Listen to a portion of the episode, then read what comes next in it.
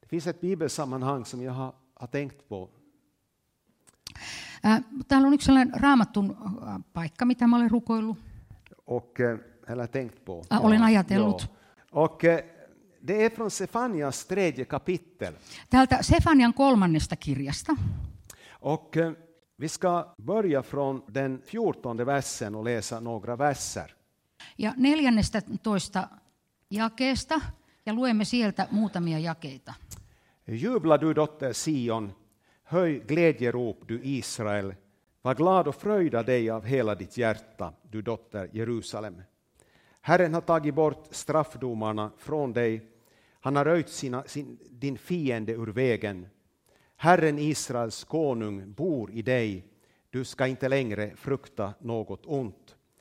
På den dagen ska sägas till Jerusalem, frukta inte Sion, låt inte dina händer falla, Herren din Gud bor i dig, en hjälte som frälsar. Han gläder sig över dig med lust, han tiger stilla i sin kärlek, han fröjdas över dig med jubel. Iloitse tytär Sion, pyhke, pyh, puhkea huutoon Israel.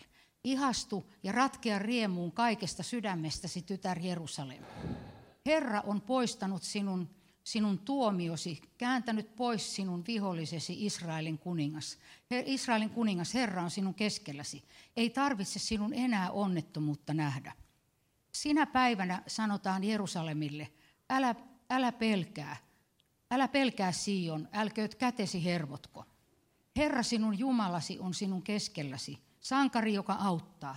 Hän ilolla iloitsee sinusta, hän on ääneti, sillä hän rakastaa sinua, hän sinusta riemulla riemuitsee. Och vi skulle ha, ha läst lite längre i det här sammanhanget, Jos me olisi tätä, tätä, tästä, tätä vähän pidempään luettu, niin- så, eh, så skulle vi ha sett att det här, de här orden är på ett speciellt sätt, tror jag, riktade till en viss grupp niin, människor. niin ehkä oli, ymmärtäisimme silloin, että nämä sanat on nyt kohdistettu ihan määrättyyn ihmisryhmään. Eh, Tolfte versen så står det så här. 12 jakeessa sanotaan näin. Men jag ska lämna kvar i dig ett folk som är ödmjukt och svagt och det ska förtrösta på Herrens namn. Mutta minä jätän jäljelle sinun keskuuteesi kurjan ja vaivaisen kansan, ja he luottavat Herran nimeen. Kanske vi, vi lever i en tid, jag vet inte hur, vi upp, hur du uppfattar det, men kanske jag uppfattar det så här att vi lever i en tid när svaghet är någonting svagt. Ja me elämme tänään, tänä päivänä sellaista aikaa, jolloin, jolloin heikkous on heikkoa. Ja. Heikkous on Och, heikkoa. och eh, vi, liksom, vi, vi ska vara starka, vi ska vara duktiga, vi ska vara framgångsrika och så vidare. Niin. Siinä mielessä, että meidän pitäisi olla aina vaan vahvoja ja, ja menestykkä- menestyksekkäitä ja niin edelleen. Eh, Men det här stä- talar om, om, om ett folk som är kvar, som är ödmjukt och svagt. Mutta tämä puhuu nyt kansanryhmästä, joka on vielä jäljellä, joka on niin kuin nöyrä ja heikko. Och det som blir konsekvensen av detta är Ja, ja siitä seuraa, että, att de kommer att förtrösta på Herrens ord. että he luottavat ja saavat lohdutusta Jumalan sanasta. Det, jag tror att det här är, det verkar ibland när man läser Bibeln som om det inte går att förtrösta på sin egen styrka och på Guds styrka s- på samma gång. Äh, Usein kun luemme raamattua, niin sieltä saa sen käsityksen, että ei voi niin kuin luottaa omaan, omaan voimaansa ja Jumalan voimaan yhtä aikaa.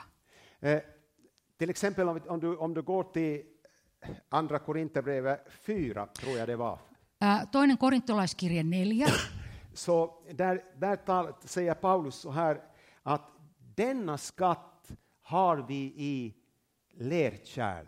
Ja siellä Paavali sanoo niin, että tämä aarre meillä on saviastioissa, För att den överväldigande kraften ska vara Guds. niin että se, se, se valtava, valtava voima olisi Jumalan, och inte vår egen. eikä meidän omamme. Och jag, jag måste säga att jag har, erkänner att jag, jag har läst den här, den här versen på ett sätt som det egentligen inte står.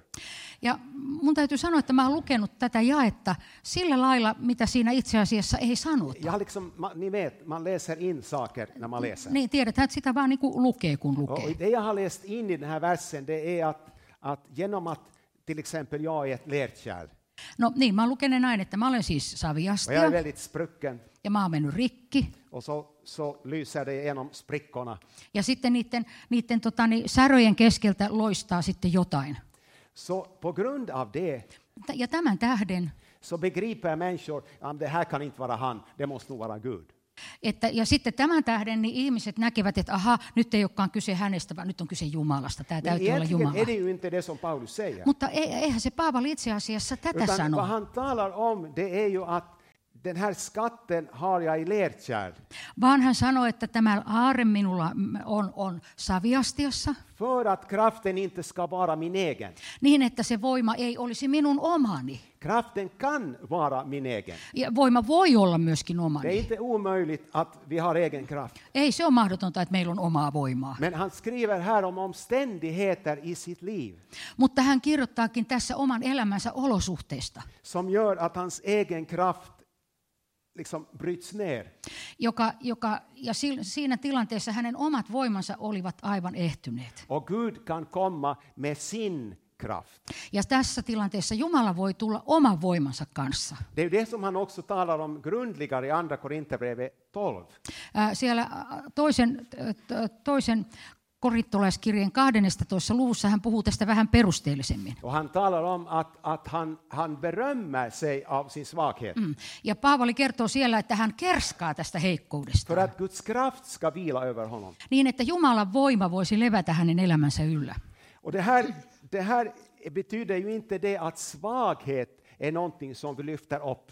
Ja tämä ei nyt tarkoita sitä, että me jollakin lailla nostamme nyt heikkoutta Ja, ylös. jag är så svag så det, jag är fantastisk. Ja aiku, mä oon fantastinen, kun mä oon niin heikko. Det, det är ju inte det han säger. Ei hän sitä sano. Men det finns en svaghet som gör att Guds kraft kan komma till. Mutta on olemassa sellaista heikkoutta, joka mahdollistaa Jumalan ra- ton voiman e- esiintymisen, tuleman, tulemisen Eh, esiin. Någon gång har jag tänkt att jag skulle tala om församlingen i Philadelphia, Joskus mä, oon aj- Uppenbarelseboken. joo, joskus mä olen ajatellut, että mä puhun il- ilmestyskirjan Filadelfia-seurakunnasta. Och då, då, då står det ju, Jesus han säger till dem, Ja Jeesus sanoo heille, väl är din kraft ringa. että kyllähän sinun voimasi on vähäinen. Och egentligen, det som jag förstår med stora bokstäver, din kraft är ringa. Ja siellä on niin kuin, niin kuin, että isolla kirjoitettuna se, että sinun Jag voimasi on läste, jag vähäinen. läste att, att i församlingen i Philadelphia så fanns det ungefär 30 personer med. Siellä filosof, filo, Filadel, sano, Fil, miksi se oli Philadelphia. vaikka? Filadelfian seurakunnassa oli noin Det 30. var liksom inga stora muskler som man kunde liksom komma med när man stack iväg. Niin, siis 30. Et ei siis ollut kyse siitä, että ne oli jotenkin hengellisiä jättiläisiä. Men, siellä. men Jesus han behandlar ju dem på ett sätt och föreståndaren och så vidare, du läser som att de skulle ha varit 10 000 liksom. Det är så här. Mutta kun Jeesus puhuu heistä, niin, niin hän puhuu ihan niin kuin niitä olisi ollut joku 10 000 joukko. Men det var bara en liten grupp Mutta se oli vain pienen pieni joukko. och han säger, väl är din kraft ringa, Ja Jeesus sanoi, että kyllähän sinun voimasi on, on pieni. men du har tagit vara på mitt ord Mutta sinä, sinä olet ottanut minun sanastani och har vaarin. inte förnekat mitt namn. etkä ole kieltänyt minun nimeäni. Är det inte fantastiskt? Eikö se ole aivan fantastista? Var inte rädd för svaghet. Älä pelkää heikkoutta. Var inte rädd för att vara svag. Älä pelkää sitä, että olet heikko. För att det, när vår styrka kommer på sidan, Sillä silloin, kun meidän s- voimamme saa väistyä, då, kommer, då kan Guds kraft bli synlig. Och han, han, liksom det, han, han gör inte så här, att liksom, vi- han säger antingen eller. ää, silloin Jumalan voima voi tulla näkeväksi. Hän ei tee niin, että hän sanoo, että on joko tai. Och nu säger han till de svaga, Ja nyt hän sanoo tässä niille heikoille, till de ödmjuka, näille ää, nöyrille. han säger jubla du dotter Sion. Hän sanoo, että iloitse sinä tytär Siinon. Höj glädjerop du Israel. Puhkea riemuhuutoon Israel. Var glad och fröjda dig av hela ditt hjärta, Ihastu ja ratkea riemuun kaikesta du sydämestäsi, dotter Jerusalem. tytär Jerusalem. Och det första han, när han säger att de ska jubla, Ja suurin syy siihen, miksi heidän pitää riemuita, eller den första orsaken att de ska jubla, suurin syy siihen, Jo, det, var, det står så här, Herren har tagit bort straffdomarna ifrån dig. Herra on poistanut sinun tuomiosi, kääntynyt pois sinun vihollisesi. Ja, det, här, det här är ju påsk. No onhan tämä nyt pääsiäinen, jos Att mikä. Gud har tagit bort straffdomarna ifrån oss. Että Jumala on poistanut rangaistukset meidän elämästä.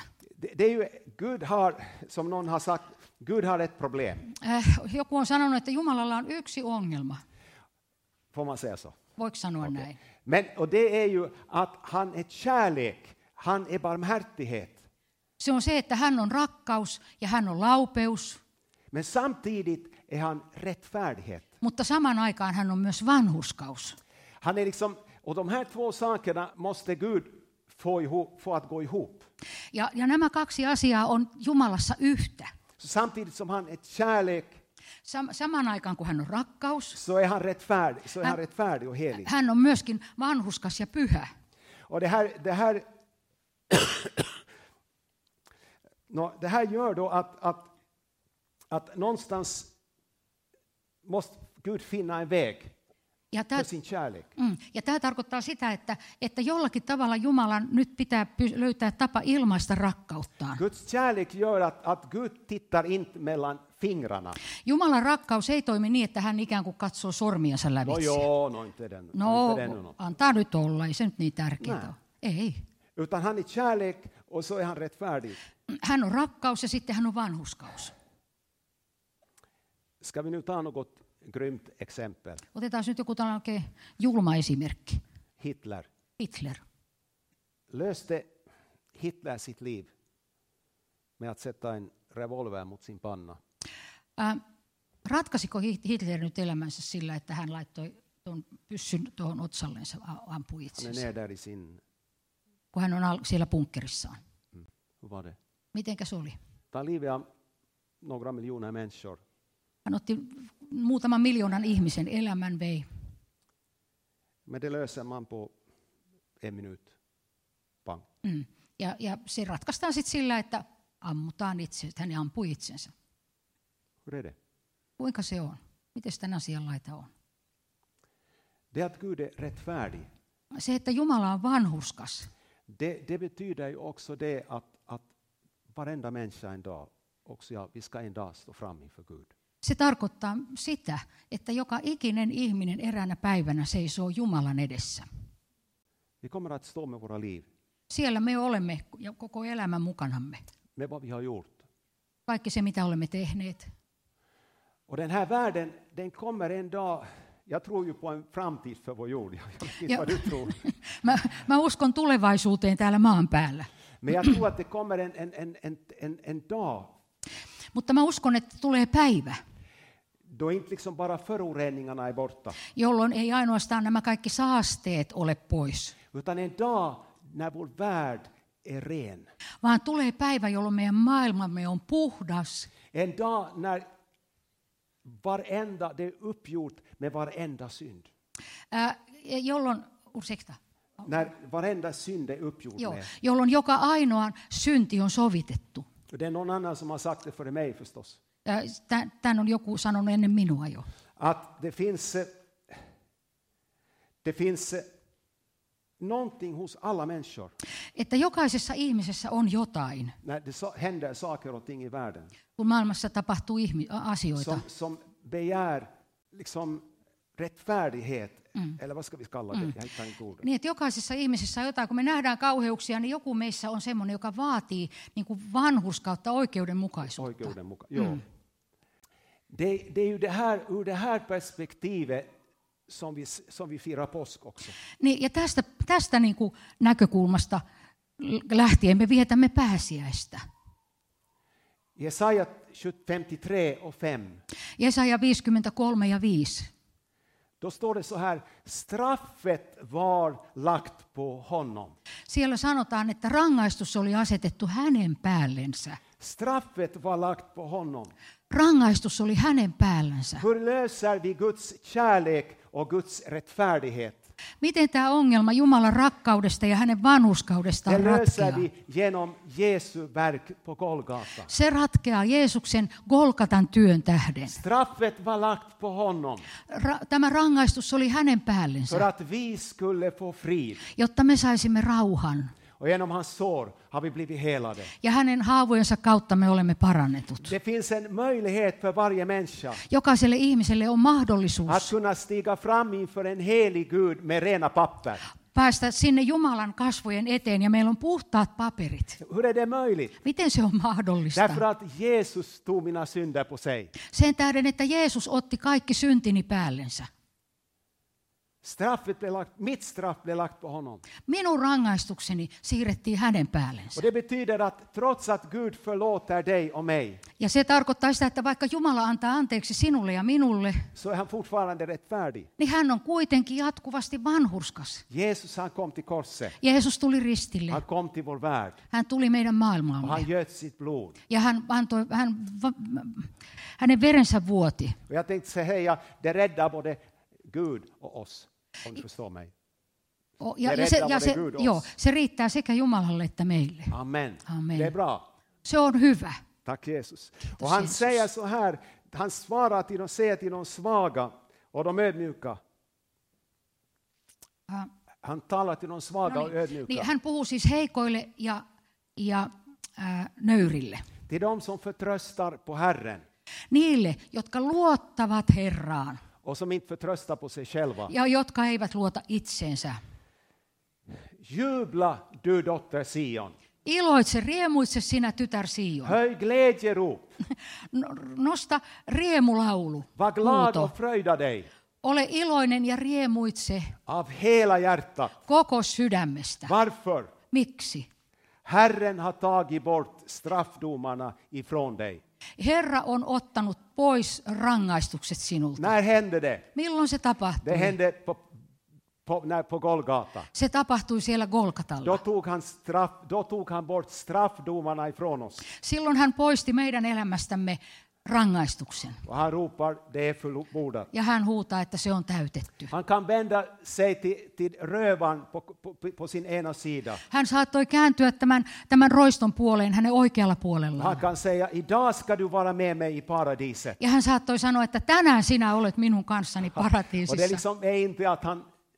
Varför? Han tar rövarens synder på sig. Min, miksi se oli mahdollista? Koska hän otti sen ryövärin synnit päällensä. Tack Jesus. Kiitos Jeesus. Mm. Jubla, Riemuitse. höj glädjerop. Oikein ratkea riemuhuuto. Var glad och fröjda dig. Ole iloinen. Iloitse. Den andra orsaken att vi får vara glada. Toinen syy siihen, että me saa, mitä varten me saadaan olla iloisia. Och då står det så här. Han har röjt din fiende ur vägen. Sillä hän, hän, hän on kääntänyt pois vihollisen tieltäsi. Raivannut pois. Ja, raivan mm. sopis. Kyllä. Kyllä. Han har röjt din fiende ur vägen. Hän on raivannut vihollisen pois tieltä. N- Var hände det? Äh, milloin se tapahtui? Det hände på korset. Se tapahtui ristillä. Det står i, det står i, i, i Kolosserbrevets andra kapitel. Kolossalaiskirjeen toisessa luvussa, Och så ska vi läsa från Kolosserbrevet 2, där handlar det om, om, om, om Jesu försoningsverk. tässä kolottalais- kolossalaiskirjeen toisessa luvussa, siellä Och puhutaan vi går Jeesuksen in på sovitustyöstä. mitten på trettonde versen. Se on siellä 13 ö, jakeen keskellä. Han har förlåtit oss våra oss alla överträdelser. Ö, Hän on antanut meille kaikki meidän rikkomuksemme Vers anteeksi. 14. Ja, ja jae 14. Och strukit ut det skuldebrev som med sin krav vittnade mot oss. Ja pyyhki pois sen kirjoituksen säädöksineen, joka oli meidän vastustajamme. Det har han tagit bort genom att spika det fast på korset. Sen hän otti meidän tieltämme pois ja naulitsi sen ristiin. Han har klätt av väldena och makterna och förvisat dem offent- och förevisat den offentligt när han triumferade över dem. Hän äh, riisui aseet hallitukselta ja valloilta ja asetti heidät julkisen häpeän alaisiksi. Hän sai heistä hänen kauttansa voitoriemun. Det står att den här världen är i den ondes våld. Äh, on kirjoitettu, että tämä maailma on pahuuden vallassa. Det är Bibelns förklaring på en hel del saker som händer faktiskt. Niin, ja Raamattustahan, Raamattu selittää meille mm, suurin osan ja niistä asioista, mitä nyt tällä hetkellä maailmassa Det tapahtuu. står i, i, i Efesierbrevet 6 Efesolaiskirjeen kuudennessa luvussa sanotaan, att den kamp vi har att utkämpa, että se taistelu, joka meillä on taisteltavanamme, det är inte mot kött och blod. se ei ole lihaa eikä verta vastaan. Det, det är liksom inte mot varandra vi strider. Ei, me ei siis taistella ihminen ihmistä vastaan. Det är liksom inte alla omständigheter som vi strider emot. Eikä myöskään meidän olosuhteitamme vastaan. Den kamp vi har att utkämpa Vaan se taistelu, joka meillä on taisteltavana, är inte mot kött och blod, ei siis ole sitä lihaa ja verta vastaan. utan mot furstar och väldigheter och världshärskare Vaan näitä, näitä maailman valtioita ja henkivaltoja vastaan. som råder här i mörkret. jotka vaikuttavat täällä, vallitsevat täällä pimeydessä. Att den här världen ser ut som den gör, Se, että tämä maailma näyttää siltä, miltä se nyt det är, näyttää, liksom ingen, det är liksom ingenting att fundera på. niin ei, ei sitä tarvitse ihmetellä.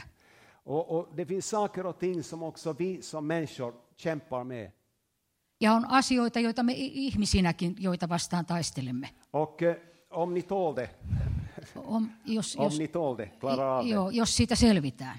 Om ni tål det så vet vi att till och med när Jesus kom till världen så trädde Satan fram och började fresta honom. Ja me tiedämme, että si- jopa silloin, kun Jeesus tuli tänne maailmaan, niin saatana astui esiin ja, ja, ja häntä äh, kiusasi. Så det finns en andlig dimension. Niin, että on olemassa tämmöinen hengellinen Det finns, ulottuvaisuus. inte, det finns inte bara ljus, Ei, ei ainoastaan valo, det finns också mörker. vaan on myöskin pimeys. Och eh, det som Kolosserbrevet 2 sa, Mitä- Mitä kolossalaiskirja 2 meille kertoo, att när Jesus går till Golgata, että kun Jeesus menee Kolkatalle, vad det är han gör när han går till Golgata? mitä hän tekee, kun hän, Hän menee sinne kaivoi synder. Kolkatalle? Hän kantoi meidän syntimme. Dödens makt, hur kom den? Ja mitä tapahtui kuoleman vallalle? Den kom genom synden. Ja se, tämän, tälle kuolemalle, joka tuli synnin kautta. Mörkret fick makt genom synden. Ää, m- Pimeys sai voiman synnin kautta. Men Jesus han går till Golgata Mutta Jeesus menee Kolkatalle. och han vrider vapnen från djävulen och demonerna Mm. Ja hän, hän riisuu aseet saatanalta ja demoneilta. när han tar våra synder på sig och går till korset. Kun hän, hän ottaa se meidän syntimme päällensä ja menee ristiin. Och, och djävulen blir liksom tomhänt. Ja, ja, ja vihollinen jää tyhjin käsin. Han har liksom ingenting att komma emot oss med. Ei, ei sillä ole mitään aseita, joita, joita voisi nostaa Jeesusta vastaan. Han har tagit de krav som anklagar oss och tagit bort dem och spikat fast dem på korset. Hän on ottanut kaikki ne asiat, jotka syyttivät meitä, joista meillä on syyt, syyllisyys, ja, ja, va, ja naulitsi ristiin. Han har klätt av välderna och makterna och förevisar dem offentligt. Ja hän on kaikelle tälle pimeyden henkivallalle osoittanut voimansa. Hur? Hur? Miten? När han på korset triumferade över dem. Kun hän ristillä voitti heidät. Korset var en andlig kamp Ää, Risti oli hengellinen taistelu. och, och det kommer ett mörker över, över jorden, eller vad, Jerusalem, jag Ja, vet inte. ja silloin Jerusalemissa tuli pimeys, ja sanotaan, Me- Me... että yli koko maan. Me... Vem var det som segrade? Mutta kuka voitti? Det var Jesus som segrade. Jeesus voitti. Och, och Ko- Paulus skriver att han triumferade över dem. Ja Paavali kirjoittaa, että hän voitti heidät. När Jesus sänder ut sina lärjungar, Kun Jeesus lähettää opetuslapsensa, det första han säger, dessa tecken ska åtfölja dem som tror. niin hän sanoi, että nämä merkit seuraavat niitä, jotka uskovat. I mitt namn ska de driva ut onda andar. Minun nimessäni te tulette äh, niin kuin ajamaan ulos pi- pimeyden henkivaltoja. Varför? Miksi? För att vi är så fantastiska. Siksikö, että me ollaan niin mahdottoman Nej, därför att fantastisia. Jesus triumferade över dem på Golgata. Ei, vaan sen tähden, että Jeesus voitti heidät Kolkatalla. Jag tror att vi har en del att upptäcka igen. Kyllä meillä on paljon lö- lö- asioita löydettävänä. Jubla du dotter Sion, Että riemuitse sinä, tytär Sion. höj glädjerop du Israel.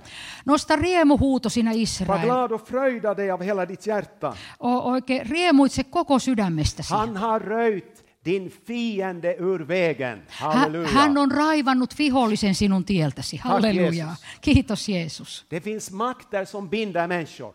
O- On olemassa voi valtoja, jotka sitovat Det finns ihmisiä. makter som binder våra bönebarn.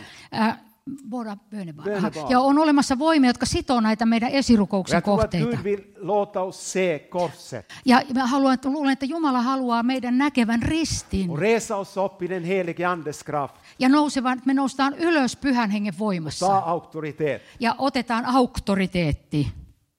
Amen. Det var en pastor. Oli kerran edes Hoppas ni pas, inte kastar ut mig efter det här. pa, pastori, toivottavasti ette nyt heitä mua ulos tämän jälkeen. Han hade en bror. Hänellä oli veli Hans bror var s- en, det som man kallar för svarta fåret i familjen. ja tämä hänen veljensä oli niin sanottu musta lammas hänen perheessään. Och Han berättade, han bad för sin bror. Ja hän kertoi, kuinka hän rukoili veljensä puolesta. Han fastade för sin bror. Hän, hän, hän äh, paastosi hänen tä- Han, tähtensä. det var år som det gick och han bara bad och ropade till Gud. Ja vuodet vierivät eteenpäin ja hän vaan niin kuin rukoili ja huusi Herran puoleen. Plötsligt en dag ser han, Mutta, en dag så ser han mutta eräänä päivänä hän näkee, att det står i Andra Korinthierbrevet 3 että toisen korintolaiskirjeen luvussa kolme att den sanotaan, här världens Gud har förmörkat de otrognas ögon så de inte ser den härlighet som går från Jesus. hän näki, Från että Gud. tämän, tämän maailman ruhtinas on niin kuin pimentänyt näiden uskomattomien silmät, että he eivät näe, mitä Jeesus on Han tehnyt. liksom såg att det fanns en andlig dimension i det här. Ja hän näki ja ymmärsi, että tässä on hengellinen Han gick ut i ulottuvuus. vardagsrummet Hän meni sinne va- u- u- u- och han lyfte sin hand. huoneeseesi ja nosti, kä- nuose, Hän nosti säger kätensä. så här. Ja hän sanoo näin, Satan, saatana, ta dina händer från min bror. irrota otteesi veljestäni. Om två veckor blev hans bror frälst. Ja kahden viikon kuluttua hänen veljensä pelastui. Fröjda dig och jubla. Iloitse ja riemuitse. Var glad. Ole iloinen. Han har röjt din fiende ur vägen. Hän on raivannut vihollisesi Halleluja. tieltä. Det Halleluja. är seger i Jesu namn. Jeesuksen nimessä on voitto. Amen. Amen. Han fortsätter. Hän jatkaa. Han har tagit straffdomarna ifrån dig. Hän on ottanut nämä äh, rangaistukset Mm, Pärlis. päältäsi. Han har röjt din fiende ur vägen. Hän on raivannut vihollisen tieltäsi. Herren Israels kung bor i dig. Herra Israelin kuningas asuu sinussa. Han bor, det är någon som bor i dig. Onko sinussa joku asumassa? Det är Jesus som bor i dig. Jeesus asuu sinussa. Och, och Paulus han, han, han ber för Efeserna, det är Efesierbrevet 3 och 14. Någonstans E- där. E- Efesolaiskirje 3 ja 14 Paavali rukoilee siellä näin. Och han ber att Gud ska ge styrka åt deras inre människa genom sin ande. Ja hän rukoilee, että Jumala henkensä kautta antaisi voimaa heidän sisäiselle ihmiselle. Och att Kristus genom tron ska Niin. bo i deras hjärtan. Niin, ja että, että Kristus uskon kautta asuisi heidän sydämessään. Halleluja. Halleluja. Tänk att Jesus bor i oss. Ajattele, Tänk että Je- att Jesus bor i mig. Jeesus asuu meissä, Jeesus asuu minussa. Hittar du någon granne? Löydät sä Så jonkun... bara säg, jag brukar göra det ibland, och säg bara Jesus bor i dig. Mä sanon, että kuule, Jeesus asuu sinussa. Amen. Amen. Och, pa- och Guds, Guds ord säger Ja Jumalan sana sanoo, att det är så stort että se on niin suurta att det är värt att jubla. ja että se on ylistämisen Det arvoista. är värt att vara glad. Ja, ja sen arvoista, että me ollaan Varför är iloisia. du glad idag? Miksi sä olet tänään iloinen? Jesus bor i mig. Jeesus asuu minussa. Och det står så här lite senare. Herren din Gud bor i dig. Vähän myöhemmin kirjoitetaan, että Herra sinun Jumalasi asuu sinussa. En hjälte San- som frälsar. S- Sankari, joka pelastaa. Han är en hjälte. Jesus, det som bor i dig, är en hjälte. Jeesus, joka asuu sinussa, on sankari. Och han frälsar dig. Ja hän pelastaa Och vi, vi sinut. råkar ut för, för, för alla möjliga saker. Elämässä me tapaamme vaikka minkä, tai kohtaamme kaikenlaisia asioita. Men det finns en som frälsar oss ur det ena och det andra. Mutta on el- eräs, joka pelastaa meidät kaikenlaisista Och vaikeuksista. han är en hjälte. Ja hän on sankari. Och han bor i oss. Ja hän asuu meissä. Halleluja. Halleluja. Vad säger rättfärdigheten? Romarbrevet 10. Ä, Roomalaiskirje 10. Läs Romarbrevet 10 när du kommer hem. Mene, kun menet kotiin, niin Vad luepas roomalaiskirje säger den 10. rättfärdighet som kommer av tro? Mitä siellä sanotaan siitä vanhuskaudesta, joka tulee uskon kautta? Vi, vi bor i ett Luthers land. Vi tror på rättfärdighet genom tro. Me asutaan luterilaisessa maassa ja me uskomme vanhurskauteen uskon Vad kautta. säger den, den tro som kommer, som- rättfärdighet som kommer av tro? Den säger någonting. Mitä se sanoo se vanhuskaus, joka tulee uskon kautta? Se sanoo jotain. Den säger, du behöver inte fråga vem ska ta nar- ner Kristus från himlen. Ja se sanoo, että sun ei tarvitse kysyä, että kuka tuo alas Kristuksen taivaasta. Och du behöver inte fråga vem ska ta upp Kristus ifrån dödsriket. Eikä sun tarvitse kysyä sitä, että kuka nostaa Kristuksen Och så kuoleman står det, valtakunnasta. ordet är dig nära. Vaan sanotaan, että sana on sinua lähellä. Ordet är ett annat ord för Jesus. Ja, ja sanahan on nimi, Je- Jeesuksen I nimi. din mun Sinun suussasi och i ditt hjärta. ja sinun sydämessäsi. Det är det, vi- det är det som är tron. Se on usko. Vi tror inte att han bara är på tronen. Me emme usko sitä, että hän on ainoastaan tuolla Och vi det är valtaistuimella. inte, he- tror inte heller att han har blivit kvar i graven. Eikä, eikä sitä uskota, että hän on jäänyt tuonne Vi tror hautaan. att han bor i våra hjärtan. En Vaan- hjälte som frälsar. Vaan me uskomme, että hän asuu meidän sydämessämme, sankari, joka pelastaa. Amen. Aamen. Det kommer tacksägelseämnen här bara sådär. Ja, ja niinpä tulee valtavasti vaan näitä kiitosaiheita, yksi toisensa jälkeen virtana. På den dagen alltså, på den dagen, Sinä päivänä, på den dagen när du får höra en sån här predikan, kun saat kuulla tämmöisen saarnan, när du får höra att straffdomarna har tagit ifrån dig, kun sä saat kuulla, että rangaistukset on otettu pois sun när du får elämästäsi, höra att fienden är besegrad, ja kun sä saat kuulla, että vihollinen on och när du voitettu, får höra att Gud bor i dig, ja kun sä saat kuulla, että Jumala asuu sinussa, du ska inte längre frukta något ont. står det. niin siellä sanotaan, että sinun ei tarvitse enää pelätä mitään pahaa. Vad säger ni om det? Mitä sanot siitä? Hanna sanoi aamen. Du ska inte längre frukta något ont. Sun ei tarvi enää pelätä mitään pahaa. Straffdomarna är borta. Nämä rangaistukset on pois. Djävulen är besegrad. Vihollinen on voitettu Börja utöva den andliga auktoritet som finns i dig. ja ja sä saat käyttää sitä hengellistä auktoriteettia, joka on sinussa. Han bor i dig. Hän asuu sinussa. Du ska inte längre frukta något ont. Sun ei tarvitse enää pelätä mitään pahaa. På den dagen, Sinä päivänä, en sån här påskdag, tämmöisenä pääsiäispäivänä, på den dagen ska man säga sinä päivänä sanotaan, frukta inte Sion. älä pelkää Sion. Min gamla översättning, översättning sa så här. Mutta tämä vanha käännös sanoi näin, Låt inte modet falla. älä, älä, älä, tota, ää, älä menetä rohkeuttasi. Låt inte modet falla. Älä, älä Du menetä har de här, rohkeuttasi. det här har du hört nu, låt inte modet falla. Ää, Nyt kun olet kuullut tämän, niin älä anna nyt Nu, tämän nu, nu har jag en rohkeutesi mennä. folkbibeln. Sulla on kansan, mulla on tässä nyt kansanraamattu. Och där står det, låt inte dina händer falla. Ja tässä sanotaan, että älä anna käsiesi niin kuin, ruo- niin kuin pudota tänne Joo. alas. Och vi vet att, att Bibeln talar om, om, om Mose. Ja me tiedämme, että raamattu kertoo När Mooseksesta. Josua stred mot amalekiterna. Silloin kun Joosua taisteli amalikeitteja vastaan, Oh, då, då, då var Mose uppe på berget silloin Mooses oli siellä vuorella och höll upp sina händer. ja pisi, piti käsiään ylhäällä. Det ligger något i det.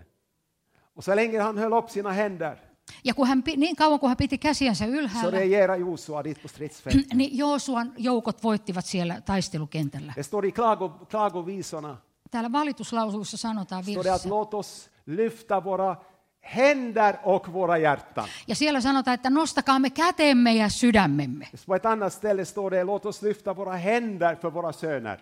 Ja, ja si- toisessa paikassa sanotaan, nostakaamme kätemme poikiemme tähden. Första Timoterbrevet 2 står det att, att männen ska lyfta upp heliga händer när de ber, fria från disputerande och vrede. Ää, Äh, Ja siellä, Vavarin platse, First Timo, Timoteus 2. Två. Joo, Timoteuksen kirjeen toisessa luvussa sanotaan, että, että miehet nostakoon kätensä niin kuin yksimielisesti. Det, det är liksom, vad- vad, vad det är, det är, liksom, det är värt. Vi är, det, vi är i seger på segersidan. Niin, silloin kun me teemme sen, niin silloin me olemme voiton puolella. Straffet blev lagt på honom. Rangaistus oli hänen päällensä. Han har röjt din fiende ur vägen. Hän on raivannut vihollisen tieltä. Han bor i dig. Hän asuu sinussa. Och det här sammanhanget säger Ja tässä samassa paikassa sanotaan, att han gläder sig över dig että hän iloitsee sinusta med lust. Vad, vad riemulla. betyder det? Mitä se tarkoittaa? Hjälp mig. Auta nyt mua. Det är liksom inte så där, han gläder sig inte liksom att de där pakko, no, ska vi vara glada. No niin, ei, Oh, oh. ei, ei hän iloitse sen tähden, että että no niin, nyt on pakko sitten riemu, nyt on pakko riemuita tästä. Han gläder sig över dig. Hän iloitsee sinusta Varför? På Miksi? grund av, på grund av korset. s- ristin työn tähden. Jag, jag tycker om den här sista versen och jag håller på att öva på den. Mä, mä pidän tästä viimeisestä jakeesta täällä, För mä det oikein står att harjoittelen sitä. han tiger stilla i sin kärlek Ja siinä sanotaan, että hän, hän on hiljaa rakkautensa tähden. och han fröjdas över dig med jubel. Ja hän riemuitsee sinusta valtavalla ilolla. Tänk att stillhet och jubel ryms i samma vers. Ajattele, että hiljaisuus ja, ja, ja, ja riemuitseminen, ne mahtuu siihen samaan jakeeseen. Det är ganska kul. Se on, se on aika... Ibland är det ju så här, går till en viss kyrka så vet du att nu blir det stillhet. Kun ollaan jossakin määrätyssä kirkossa, niin sä ajattelet, että no nyt mä tiedän, että nyt tulee Och hiljaisuutta. sen, sen går du till en annan så kanske det är jubel, Ja, ja, sitten, jo- förhoppningsvis. ja, ja sitten jossakin toisessa kohtaa toivottavasti myöskin iloitaan. Mot i, mo- hos Gud finns både och. Mutta Jumalassa on kumpikin. Det är liksom inte så här, och jag tror att Gud vill låta liksom, det breddas lite för oss. Så I- Jag, förs- jag tänker att det är så. Niin, mä ajattelen näin, että Jumala haluaa niin kuin laajentaa meidän ymmärrystä näistä asioista. Ibland, ibland kommer han med jubel Välillä hän tuo, tuo valtavan iloriemun och ibland kommer han med stillhet. ja välillä hän tulee Och vi borde vara hiljaisuudessa. bekväma Ja- med både och. Ja, ja, ja meidän pitäisi oppia olemaan niin kuin ö, mukavasti näissä kummassakin Det tilanteessa. ena är inte nödvändigtvis andligare än det andra. Toinen ei ole yhtään se hengellisempää kuin se toinenkaan. Amen. Amen. Så nu vet jag inte, det du, du- du, läs, det, vi- det du har hört här, Se, mitä olet nyt kuullut tässä, jag vet inte om du ska tiga stilla mä en tiedä, että pitäisikö sun nyt sitten eller om olla du ska jubla. hiljaa vai, vai riemuun Men ratketa. vi har mycket att tacka Gud för. Mutta meillä on paljon kiitettävää Amen. Jumalalle. Tack, himmelske Fader. Kiitos taivaallinen Isä. Herre, vi upphöjer dig den här dagen för den seger du vann på Golgata. Herra, me ylistämme sinua tänään siitä mi- voitosta, jonka sait kolkata Herre, vi ristillä. prisar och tackar dig. Herra, me ylistämme ja kiitämme Tack att du sinua. tog bort straffdomarna ifrån oss. Kiitos, että otit rangaistukset pois meidän elämästämme.